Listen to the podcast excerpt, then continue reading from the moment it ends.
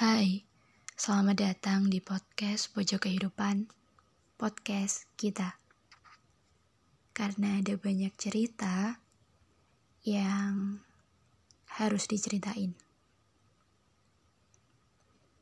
Iya gak sih, kalau diem aja, bawaannya kayak merasa sendiri gitu.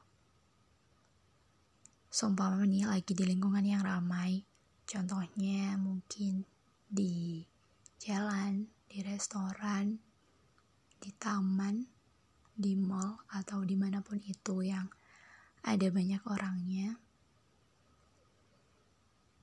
Ketika kita cuma diem aja, cuma ngamatin orang-orang, ketika kita nggak ngapa-ngapain dan cuma lihat-lihat aja, lihat yang lagi sama pasangannya, yang sama keluarganya, ayah ibunya, kakaknya, adiknya.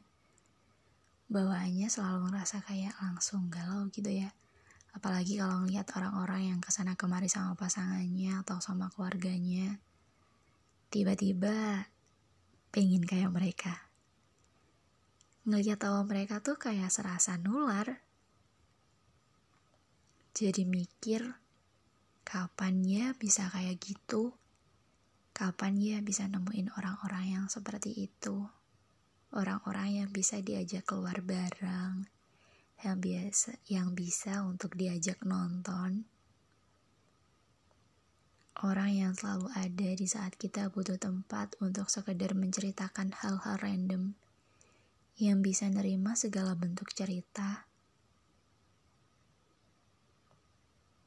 Untuk orang yang sedang sendiri, kayaknya mereka membutuhkan yang seperti itu, yang bisa berdua, yang bisa bertiga, berempat dengan keluarganya.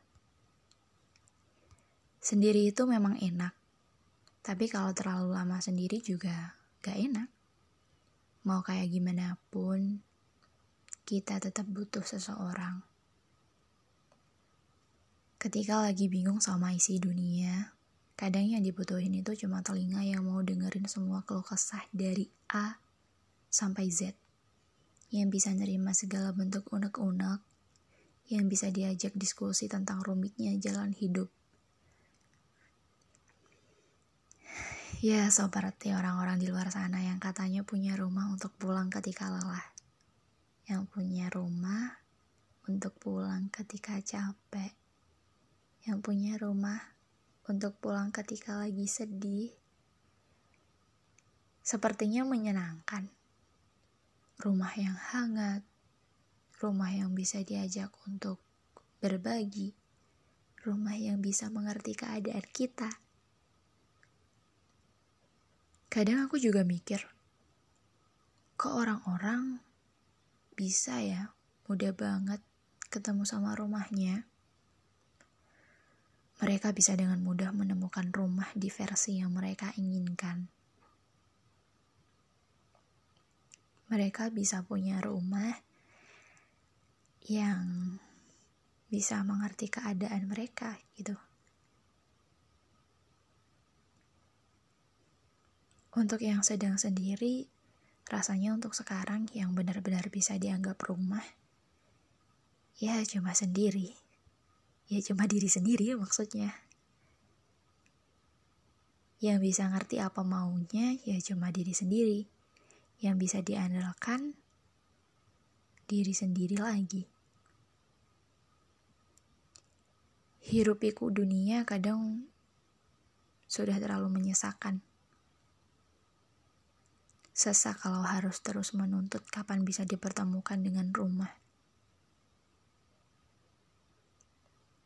Kapan rumah itu bisa hadir untuk menghapus segala keresahan. Kapan rumah itu bisa hadir untuk sekedar berbagi cerita.